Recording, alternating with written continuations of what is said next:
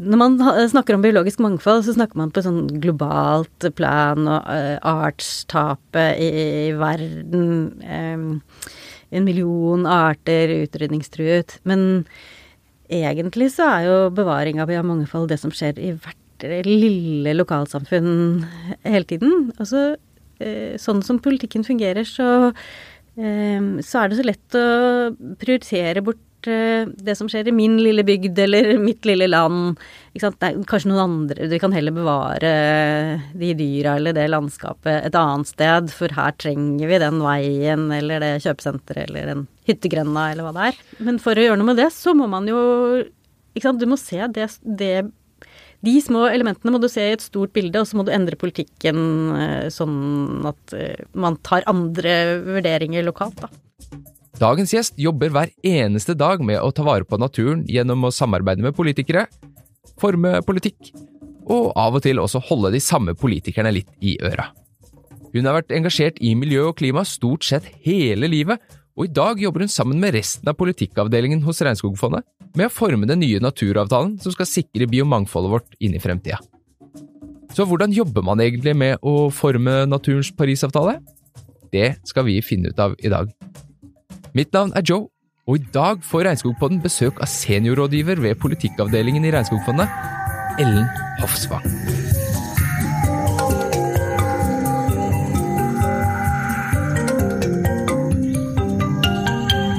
Ja, velkommen til oss, Ellen Hofsvang. Takk. Det var jo en uh, reise å få deg inn i studio. Det har jo vært en travel tid og uh, litt vanskelig, men nå har vi deg endelig her. Ja, vi har jo vært eh, eh, rammet av pandemi, både den ene og den andre her, så Men det er hyggelig å være her. Ja, og nå kan vi legge den pandemien litt til side, for nå skal vi jo eh, prate om noe helt annet i dag. Men aller først så har jo jeg lyst til å fortelle lytterne våre der ute hvem du er. Eller egentlig så kan du kanskje fortelle dem eh, hva du driver med sjøl, kanskje? Jeg jobber i Regnskogfondet, i politikkavdelingen. Eh, og der jobber jeg sammen med mine kolleger for å prøve å få til eh, at den naturavtalen som nå skal vedtas i år, eh, blir et skikkelig framskritt for å redde verdens regnskoger og sikre urfolks rettigheter. Ja, Naturavtalen, hva er, det, det, hva er det den går ut på? Hva er det vi, er det vi jobber for der? Det er eh, under den internasjonale konvensjonen for biologisk mangfold, som på en måte er en søster, søsteravtale da, til den store klimaavtalen som kanskje er mer kjent. Under der så, har, så lager du sånn handlingsplaner. Eh, og på samme måte som under klimaavtalen så har du Parisavtalen, eh, som sier hvor mye landene skal forplikte seg til å redusere klimagassutslippene, så skal det lages en sånn stor internasjonal eh, avtale nå, tiårsplan, for å bevare naturmangfoldet i verden. Mm. Eh, så den skulle egentlig vært eh, eh vedtatt i 2020, og så kom det en pandemi i veien. Og det som er så absurd eh, i den sammenhengen, er jo at uh, nettopp ødeleggelsen av natur er jo kanskje noe av årsaken bak pandemien, da. Ja. Og så har det har den ført til at ikke verdens statsledere og alle vi andre har kunnet møttes på et par år. Uh, så i de digitale litt absurde digitale forhandlingene som har vært, så har man på en måte ikke klart å lande en avtale, da. Nei. Man må møtes for å få dette banket gjennom. Så det har vært en uh, litt tung prosess da, de siste par årene? Det har vært en kjempetung prosess sånn forhandlingsmessig å få, få landet avtale på dette. Og samtidig så har vi sett hvordan eh, oppmerksomheten og eh, alvorligheten av globale tap av natur og, og artsmangfold bare har steget massivt opp i bevisstheten til statsledere og, og andre, da. Så jeg opplever at man snakker om denne naturkrisa nå på en helt annen måte enn man gjorde for kanskje fem år siden. Virkelig, Den ene rapporten etter den andre har kommet og slått fast hvor mye hvor alvorlig det står til, og hvor mye vi taper på det, og hvor mye vi er på eh, feil vei. Eh, sånn at eh, jeg føler at vi er på et sted når vi har så mye kunnskap at det er eh, kanskje et håp om at vi kan få landet en god avtale. Du er jo seniorrådgiver her og jobber i politikkteamet, og nå har du vært gjennom noen uh, røffe år. Og du har jo vært i Regnskogfondet i noen år allerede. Hva er det som driver deg? Hva er det som gjør at du står opp om morgenen og prøver å uh, hva skal jeg si, holde disse statlederne i hånda og peke de i riktig retning når man skal prøve å ta vare på regnskogen? Hva er det som har gjort at du har vært her i, i Regnskogfondet da, og, og, ville gjøre akkurat den jobben? Sta, da. Jeg tenker, tenker at dette Og så er det eh, Det er jo en blanding av at det er så alvorlig, um, og at det faktisk finnes løsninger. Mm. Um, og det er klart, når jeg jobber med internasjonal politikk, så kan det kan man kan spørre seg om kan internasjonal politikk redde regnskogen, eller kan en sånn internasjonal avtale redde regnskogen? Ja, vi, vi hører jo ofte eh, kritikk om at uh, politikerne ikke gjør noen ting, men uh, hva tenker du om det? Ja, jeg tenker at det er mye veldig god grunn til å holde politikere både hjemme og internasjonalt i øra, så det mm. må man bare fortsette med. Eh, samtidig så må man ikke glemme de de tingene som De framskrittene som blir gjort, da. Og jeg tror eh, Regnskogen reddes på en måte på bakken. ikke sant? Den reddes i, i regnskogen, i Amazonas, i Kongobassenget, i Indonesia, Ny-Guinea. Eh, og den reddes av de menneskene som bor og lever i regnskogen i veldig stor grad. Men vi kan ikke overlate hele store Hele denne store jobben til dem alene. Så eh, du er nødt til å få endringer på både på nasjonale plan og på globalt plan. Eh, sånne tall er alltid vanskelig, men man sier at kanskje rundt 30 av, årsaken til tap av artsmangfold i verden skyldes internasjonal handel og global mm. Altså, vi bruker eh, palmeolje og soya og eh, andre råvarer som er med å ødelegge regnskogen. Det bruker vi også i vår del av verden. Så det er klart det er et globalt spørsmål å få endret eh, Det må globale endringer til for å minske presset på regnskogen. Ja, det, det, er jo, vi kan jo gjøre litt eh, hjemme, men de store forandringene de kommer vel kanskje når eh, statslederne er på ball? I større grad. I hvert fall må man gjøre noe på begge de planene. Mm. Ikke sant. Det, de kommer, statslederne heller kommer ikke til å klare å redde regnskogen alene. Det er utrolig viktig hva eh, folk i eh, Hva urfolk og andre lokalsamfunn i eh, regnskogen får mulighet til å gjøre. Eh, men eh, Eh, det må et internasjonalt eh, Det må penger til, det må reguleringer til. Eh, det globale systemet som skaper press på regnskogen, det må endres. Og det, det kan man bruke en sånn naturavtale til, da. Ja, og den naturavtalen, når dere sitter og jobber med den her, hvordan, hvordan gjør dere det sånn? Tar hun telefon til Joe Biden og sier 'hør nå her', eller er det litt mer omstendelig, kanskje? Det er en um, Hvis jeg kan si litt om den naturavtalen uh, først, da, så er den uh, en avtale under Konvensjonen for biologisk mangfold. Og det, den uh, konvensjonen, den er, er mitt, min favoritt internasjonale avtale. Fordi at den er, den er så bred og sammensatt, og den den handler om bevaring av biologisk mangfold, den handler om bærekraftig bruk av biologisk mangfold, og så handler den også om hvordan land skal fordele utbytte. Eh, land og folk skal fordele utbytte ved bruk av genetiske ressurser.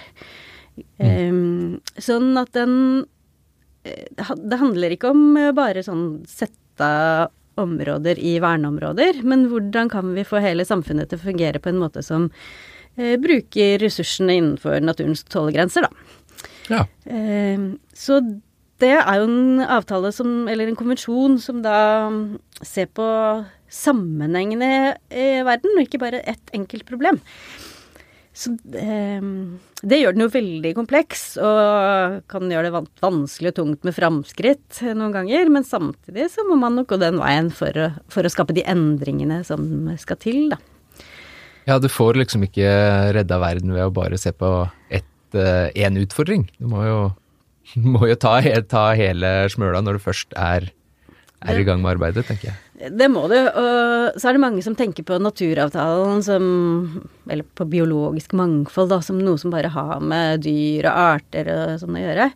Men det som har vært eh, Altså vi i Regnskogfondet har vel eh, alltid hatt den grunnholdningen at dette handler også om menneskers levevilkår leve vilkår og levesett. Ja, for jeg, jeg, jeg sniktitta jo på eh, et av disse høringsinnspillene som dere jobber med, og der så jeg at allerede i første avsnitt så hadde dere jo skrevet dette at man ikke kan redde naturen uten å jobbe for eh, menneskerettigheter. Det er kanskje ikke alle som forstår helt den vinklingen, men det har jo Regnskogfondet vært veldig opptatt av eh, hele tiden. Utgangspunktet for Regnskogfondet er jo Eh, at regnskogen må reddes eh, ved hjelp av de menneskene som faktisk bor i, i regnskogsområder, som er eh, i stor grad urfolk og andre loka, skogbaserte lokalsamfunn. Så det er på en måte utgangspunktet for vår sånn rettighetsbaserte tilnærming. Du kan ikke kaste ut masse folk fra der de bor og sette et gjerde rundt og tro at det bevarer skogen. Mm. Eh, det er verken riktig i forhold til menneskerettigheter eller noen god løsning, da, for det vil jo bare skape konflikter som gjør at ikke skogen kommer til å være trygg over tid. Så du må finne leve Altså du må støtte samfunn som lever og bruker ressursene på en bærekraftig måte, for å si det enkelt. Eh, men eh, det er på en måte lokalt og Regnskogfondets utgangspunkt. Men det som er også veldig slående nå, syns jeg, når, man, når jeg jobber med eh, biolog, internasjonal politikk, biologisk mangfold på internasjonal politikknivå, det er jo koblingene mellom natur og eh, bærekraftsmålene. Mm. Vet ikke hvor eh, disse, måte, disse 17 som FN har eh, ja, definert? Mm. Ikke sant. Som handler om eh, eh, å stoppe sult i verden, eh, om fattigdomsbekjempelse, om likeverd. Eh, og også om å bevare eh, livet på land og livet i havet. Det har også sånne mer klassiske miljømål. Mm. Men det vi ser på nå I 2019 så kom det en veldig viktig rapport fra det som heter Internasjonale naturpanelet, IPPES. Og det var eh, Det er på en måte en sånn søsterpanel til eh, klimapanelet, da, som jo er mm. mer kjent. Ja.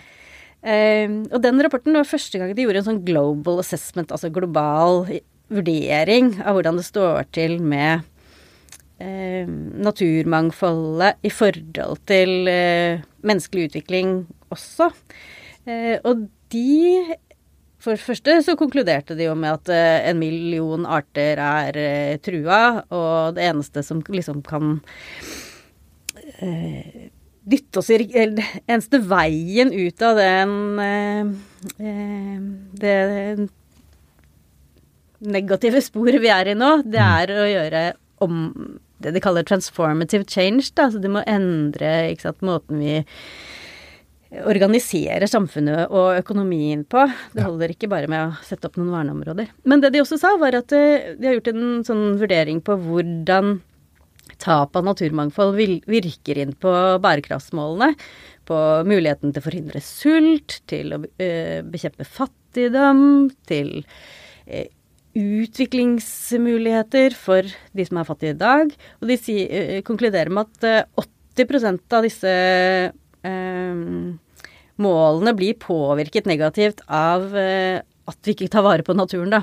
Ja. Så det er så veldig, veldig klare koblinger. Det er ikke eh, til alt hvordan mennesker har det, menneskene har det på kloden. Um, hmm. Ja, det, det, gir jo for så vidt mening når man begynner å, å, tenke over det, men det er kanskje litt eh, enkelt for oss at vi setter ting i båser noen ganger.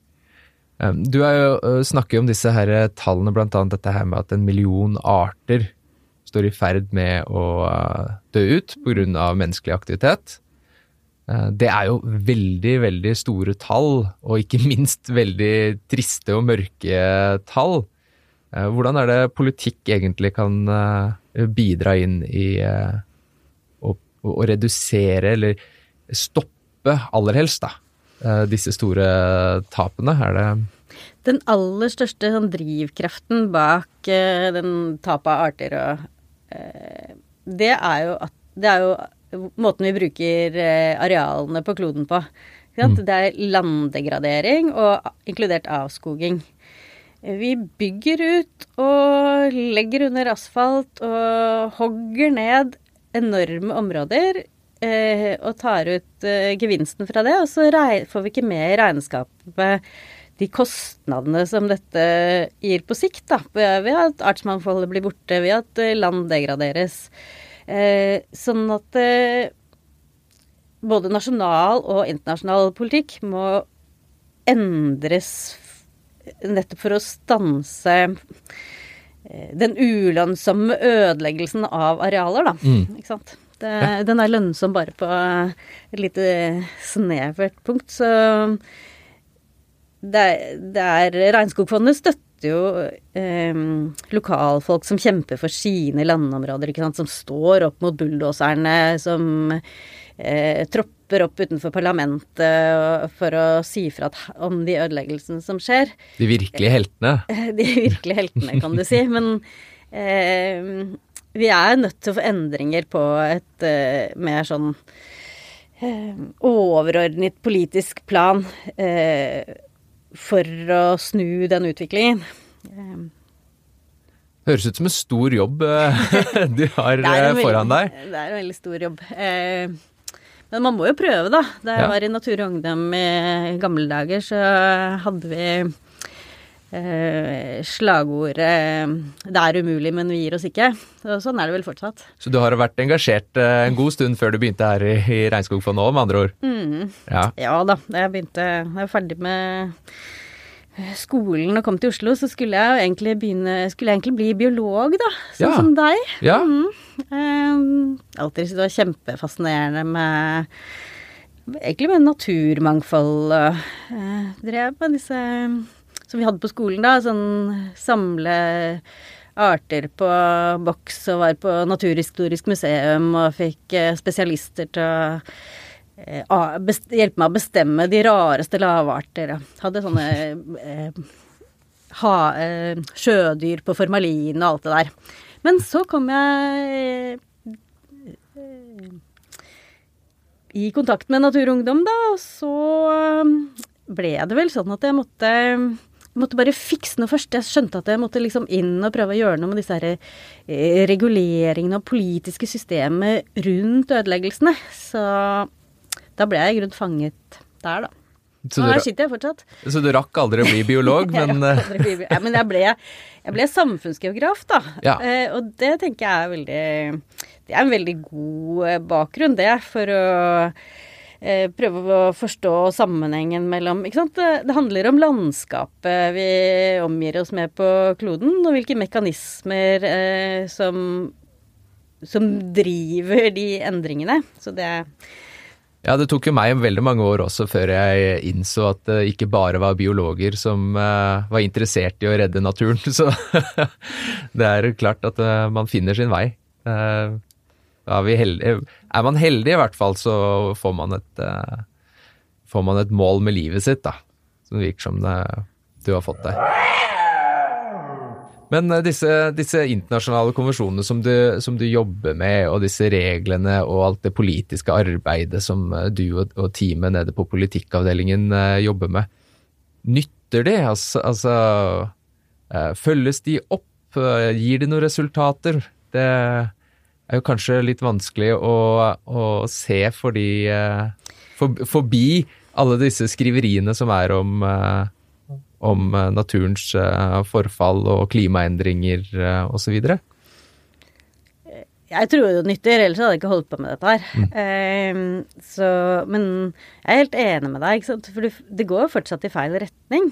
Og det, det, du får da i oppsummeringene, det er på en måte at det går i feil retning. Eh, så tenker man at da, da lykkes ikke uh, de internasjonale avtalene eller politikkendringene. Uh, men det er jo uh, Det kunne vært verre. Ikke ja. sant? Vi vet ikke, eller vi vet vi vet faktisk eh, om framskritt. Det, problemet er jo at framskrittene går for sent til å endre det store bildet, da. Sånn at mm. vi er nødt til å skru opp farten, eh, forbedringstakten litt. litt. Eh, men samtidig så er det jo eh, nå eh, tas jo forhandlingene på ny naturavtale opp igjen. Nye forhandlinger. For første gang på to år så skal man møtes fysisk eh, nå i vår ganske snart. Mm. Og så skal det være et sånt stort globalt toppmøte, sannsynligvis i august-september. Eh, eh, det som heter partsmøte under biomangfoldkonvensjonen, hvor alle verdens nasjoner, nesten, eh, som er, eh, som er medlemmer da, i den konvensjonen, skal møtes for å lande denne nye naturavtalen.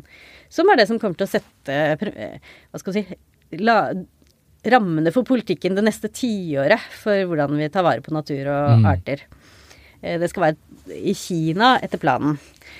Eh, og når man holder eh, når man er på det Vi reiser jo som Regnskogfondet, så mm. det er mye arbeid mellom møtene, selvfølgelig, hvor vi ringer og skriver brev og eh, prøver å skape oppmerksomhet i vi eh, i media, vi jobber tett med partnere som jobber opp mot sine myndigheter. Så det er et stort sånn der påvirkningsarbeid eh, som pågår mellom disse møtene. Men, men når vi er på møte, de møtene, så er de helt pakka fra morgen til kveld med utrolig sånne tekniske eh, spørsmål. Og eh, noen ganger så virker det helt absurd, ikke sant, når man vet hvor alvorlig naturkrisa er mm. der ute i verden.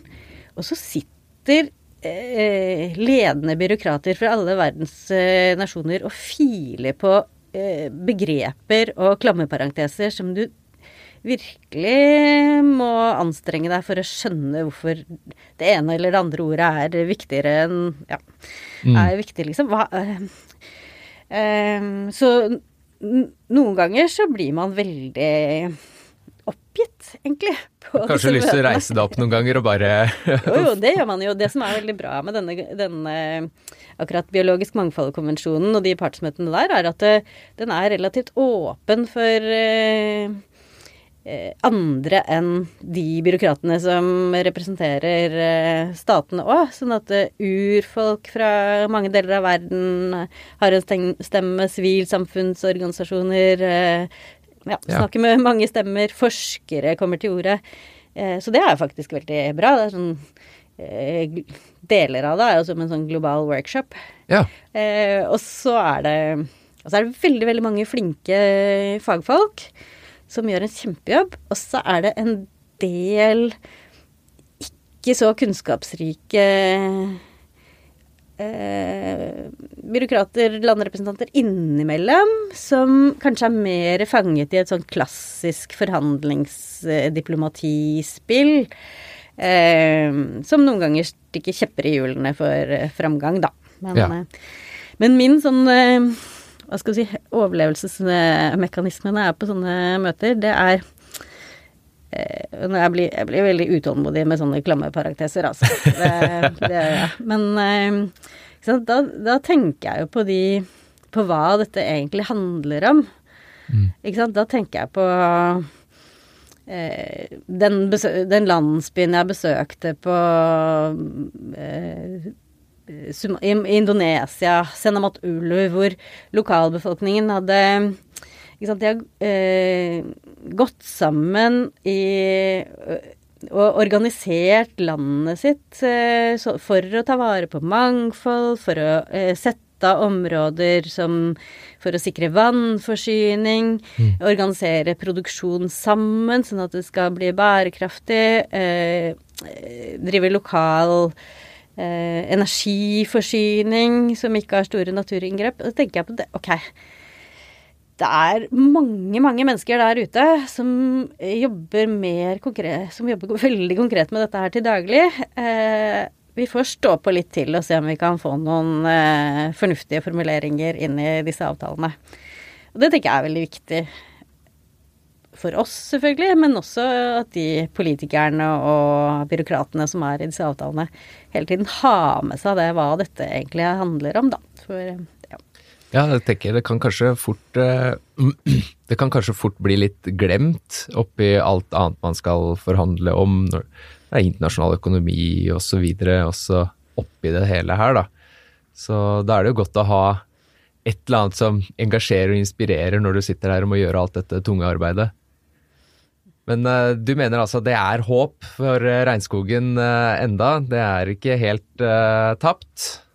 Uh, jeg tenker at det er ikke noe vits i å, å tenke at det er tapt. Nei. Hva kommer ut av det? Mm. Det er jo bare å eh, Altså, vi, vi, må redde regnskogen, og vi må stanse mm. artstapet. vi må stanse ødeleggelsen av natur. Um, hvis ikke så skaper vi helt enorm lidelse i verden, med økt sult. Uh, uh, rett og slett veldig mange mennesker som blir, eh, får, får en utrolig mye vanskeligere hverdag. Mange blir drevet på flukt. Mm. Eh, det er jo ikke en sånn verden vi vil ha.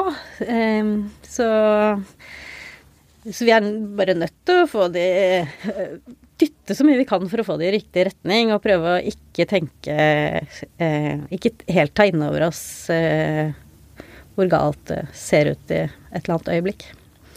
Jeg tror kanskje det er det aller beste jeg vet med å få lov til å sitte her og prate med alle disse fantastiske, engasjerte eh, regnskogsfolka. Jeg, jeg, vil ikke bare si Regnskogsfondet, i og med at vi også har andre regnskogengasjerte mennesker inn her. Og det er nettopp det eh, utrolige engasjementet som eh, det virker som folk har for eh, regnskogen. Og, og, og biomangfold og og klima og sånt noe generelt. Eh, det er jo veldig Det gir jo i hvert fall en som meg litt uh, håp for, for fremtida, og det syns jeg er uh, veldig fint, da. Så etter noen år i uh, politikkteamet, så er det jo ikke første gang du kanskje er med på et sånt arbeid, og det er jo arbeid med avtale for naturen og ta vare på planeten vår har jo vært gjort før. Absolutt. Det er jo ikke en eh, eh, Det er ikke noe som vi har oppdaget akkurat nå. Det er klart vi har visst om lenge at vi må dreie kursen i forhold til hvordan vi forholder oss til naturen. Eh, og under denne biomangfoldkonvensjonen så har det også før vært gjort forsøk på å lage sånn tiårsplaner hvor man ja. skal sette veldig klare mål for å stanse artstap og sånn. Ja, hvordan, hvordan har det arbeidet gått i i ettertid? Mm, nei, du ville jo gjerne ha litt sånn positive nyheter, men dette er litt deprimerende, da. Eh, fordi i, for tiåret 2010 til 2020 så ble det laget en eh, veldig bra, egentlig, handlingsplan med 20 gode mål. Eh, og når man skulle oppsummere hvordan det hadde gått med de, eh, så viste det seg at ingen av de såkalte Aichi-målene som ble satt den gangen, var nådd. Nei. Det var på fire av de som man kunne liksom notere eh, betydelig framgang, da. Men mm. eh, når man vet hva som står på spill, så er jo ikke det eh, nok. Ja, Så vet man eh, noen ting om hvorfor eh, disse ikke ble nådd, eller er det det handler jo overordnet om eh, politisk vilje og prioriteringer, ikke sant. Mm. Økonomiske prioriteringer. Um, rett og slett. Vi må du, når man snakker om biologisk mangfold, så snakker man på sånn globalt plan og uh, artstapet i, i verden. Um, en million arter utrydningstruet. Men egentlig så er jo bevaring av biomangfold det som skjer i hvert lille lokalsamfunn hele tiden. Altså eh, sånn som politikken fungerer, så, eh, så er det så lett å prioritere bort det som skjer i min lille bygd eller mitt lille land. Er kanskje noen andre Vi kan heller bevare de dyra eller det landskapet et annet sted, for her trenger vi den veien eller det kjøpesenteret eller den hyttegrenda eller hva det er. Ja, ikke sant. Um, så sånn ser vi at det blir Og det gjelder jo Norge, og det gjelder uh, minst like mye i mange utviklingsland, og inkludert i regnskogsland. At uh, de interessene som vil bruke den, det artsrike området til noe annet enn å bevare mangfoldet, de, de vinner hele tiden de små kampene. Mm. Så Men for å gjøre noe med det, så må man jo Ikke sant, du må se det, det De små elementene må du se i et stort bilde, og så må du endre politikken eh, sånn at eh, man tar andre vurderinger lokalt, da. Ja. Men en sånn uh, naturavtale, når man skal ha dette på plass, hva, hva snakker vi av, uh, av, penger her? For du, du, er inne på at uh, politikerne de er jo opptatt av økonomi og penger, mm. naturlig nok. Man skal jo ha noe å leve av også, men hva vil det egentlig koste en sånn naturavtale? Ta den naturavtalen dere nå sitter og, og jobber med, har dere noen alt sånt er jo overslag. Men uh, bare for å si det først, så Regnskogfondet Vi har liksom noen hovedpunkter. For dette er en veldig bred avtale, så vi fokuserer på noen hovedpunkter som, vi, som er kjempeviktige for oss for at, at, denne avtalen skal inneholde. Og det handler jo selvfølgelig om bevaring av regnskog, og særlig de, den tredjedelen av regnskogen som fortsatt er relativt intakt. Da. Mm. Uh, at man får prioritert de mest, mest artsrike områdene i i den, de typer løsninger og tiltak man ble enige om. Eh, og vi vet jo også at eh, to av de største regnskogslandene, Brasil og Indonesia, eh, de er også de eh, landene i verden som på en måte står høyest på lista over eh, utrydningstrua arter. Mm. Så det er en veldig klar sammenheng mellom regnskog og, og artsutryddelse, fordi regnskogen er så artsrik, ja. selvfølgelig. Eh, så eh, regnskog. Og så har vi, som du var inne på, menneskerettigheter og urfolks rettigheter. For vi vet at man ikke kan bevare regnskog og andre artsrike økosystemer heller, uten å ivareta rettighetene og bygge på kunnskapen til de menneskene som bor der. Mm. Eh, så, og så, for å komme tilbake til spørsmålet ditt, så eh, har vi også et eh, veldig viktig punkt som vi følger om det som i forhandlingene heter ressursmobilisering, men som egentlig handler om penger, da. Mm. Uh, og det som er veldig interessant, syns jeg, med, med, denne avtalen, at, uh, eller med et arbeid rundt uh, ressursmobilisering i denne avtalen, det er at det handler ikke bare om ok, hvor mye penger må Koster det å verne det og det? Men man ser på, også på ok, hvordan bruker vi penger på gal måte? Eh, hvordan eh, subsidierer vi ødeleggelse av natur? Eh, for det er, det, det er, en mye større del av det ressursregnskapet enn det som trengs for faktisk å gjøre positive tiltak, da. Eh, så man regner med eh, de, I de siste avtaledokumentene nå så diskuterer vi Eller så er det satt et anslag på 700 milliarder dollar, som er liksom det er ikke lommerusk? Det er ikke lommerusk selv i våre dager. Men som er eh, finansieringsgapet, som det omtales, da. Eh, men eh, så har de beregnet at 500 milliarder av dette, det er Det kan man få inn ved å kutte ut subsidiering av uh, virksomhet som ødelegger natur. Enten det er oljesubsidier eller uh, subsidiering av veibygging i våtmarksområder eller ikke sant? Den typen ting, da. Du har mm. økonomisk Du har liksom økonomi som ikke tar opp i seg naturkostnadene. Eh, og derfor så ser det ut som det er lønnsomt da, å ødelegge natur. Men hvis du begynner å regne hva du faktisk taper, også økonomisk, så eh, ja, så kan du finansiere veldig mye av dette ved å spare inn på de pengene som, du, som nå brukes til å ødelegge natur. Ja. I tillegg så har du jo en, har du da resterende 200, 200 milliarder, eh, som er det som er beregnet at det koster av tilleggspenger, da, for at alle landene skal gjøre det som er nødvendig å gjøre for å eh, oppnå målene i denne naturavtalen. Mm. Eh, og der er det jo sånn at eh, alle land må bruke av sine egne budsjetter for å gjøre ting i eget land. Men så er det også det spørsmål, så er det et fordelingsspørsmål her, da, mellom fattige land og rike land. Og vi var inne på det i stad, at uh, de menneskene, vi som bor i den rike delen av verden, vi forbruker jo enormt mye mer ressurser. Og hvis du sier at 30% av ødeleggelsen av artsmangfold skyldes egentlig internasjonal handel og forbruk av ressurser i andre deler av verden enn der de er henta fra, eh, så innebærer det også at, den, at, de rike landene må ta en mye større del av regningen. Mm. Så et krav fra mange organisasjoner eh, nå er at man må få Man må opp i 60 milliarder dollar eh, i overføring til fattigere land for å nå målene i naturavtalen. Og alt dette er anslag, men det er store summer.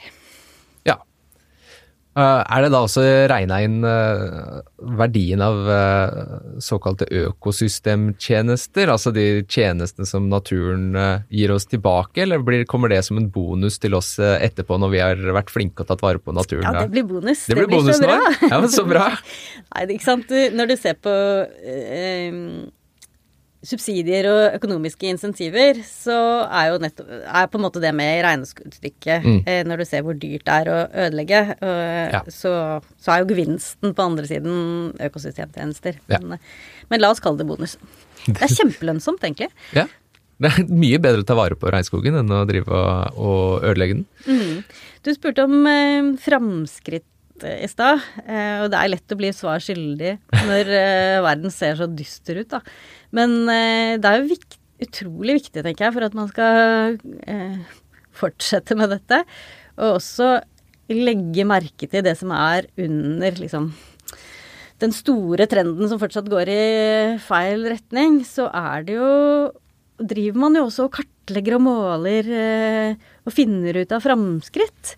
Eh, og for, i den rapporten som jeg nevnte tidligere, som er eh, Naturpanelets gjennom, sånn globale gjennomgang, eh, så gjør de også det, da. Og der har de sett på eh, effekten av bevaringstiltak eh, på artsmangfoldet, og, og konkluderer med at Altså dette er jo et utvalg, et område som er vurdert, men eh, i de gjorde en sånn studie som omfattet 109 land, og eh, der fant de ut at det var eh, 29% redusert liksom, utrydningsfare eh, for eh, arter i en tiårsperiode pga. bevaringstiltak. Ja. Det blir litt sånn teknisk, men det er, det er, man må ta med seg de bitene at det, det, er mulig. Vi har masse løsninger som kan settes i verk som kan rette opp uh, på dette.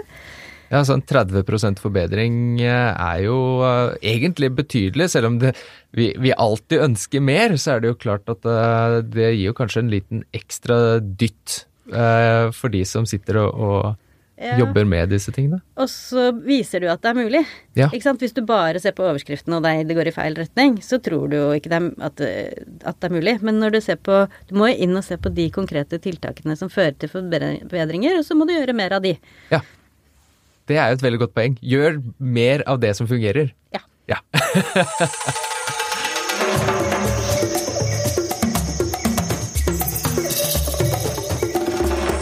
Men uh, nå begynner vi å nærme oss uh, slutten, og jeg tenkte jeg skulle overraske deg med et uh, lite overraskelsesspørsmål helt på slutten her.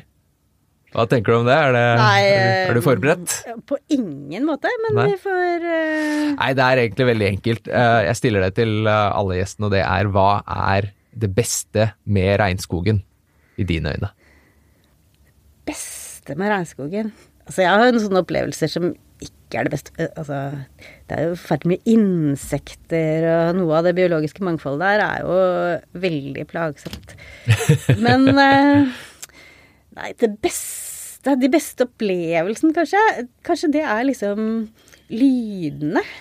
Jeg har vært på noen reiser veldig langt inne i regnskogen og sovet ute. Stjernehimmel.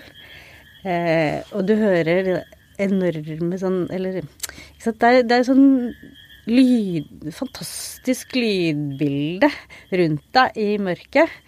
Som er mye lyd, men allikevel ikke er bråk. Eh, som er helt fantastisk å høre på.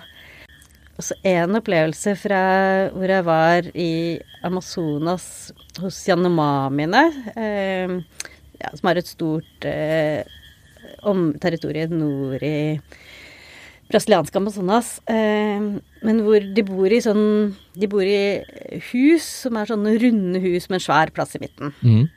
Og så så, så man hengekøyer da i, inn, under disse takene. Og så midt på natta så begynte sjamanene og lederne i, i dette samfunnet å parlamentere og snakke og diskutere midt på natta og på tvers av denne, dette runde huset, da. Eh, så den lyden av regnskogen ble på en måte eh, enda sterkere ved de menneskene som drev og diskuterte og snakket om dagens viderverdigheter og framtidsutsikter og sånn, på et språk jeg ikke forsto, men allikevel med, med sånne fantastiske stemmer i denne natten i hengekøya. Det er, det er liksom bilder som har eh, eh, som, som aldri blir borte, som jeg tar med meg i dette litt mer sånn kjedelige forhandlingsarbeidet, da. Ikke en opplevelse man får hver dag, med andre ord. Ja, Ellen, tusen takk for at du eh, tok deg tid til å komme hit eh, i dag. Det har vært eh, både litt dystert, men også veldig oppløftende å høre om at uh, arbeidet med politikken uh, hjelper. Og så har jeg en liten mistanke om at uh, vi kommer til å ses i studio igjen i august-september en gang, når når støvet har lagt seg etter å ha vedtatt tidenes beste naturavtale? Oh, vi får håpe det går den veien. Takk for at jeg fikk være her. Det har vært veldig morsomt å snakke om disse tingene. Um, og så ja, vil jeg jo gjerne følge opp dette siden, og kanskje komme en liten oppfordring til dere lyttere der ute. og andre dere kjenner, om å følge med på dette utrolig viktige forhandlingsarbeidet som foregår eh, nå i år. Og dytte på deres politikere for en best mulig naturavtale både for regnskogen og resten av verdens biologiske mangfold. Så vi ses igjen.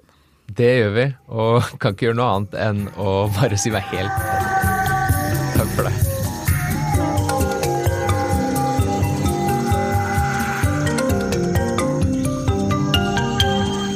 Du har nettopp hørt på Regnskogpodden, en podkast produsert av Regnskogfondet med støtte fra Norad.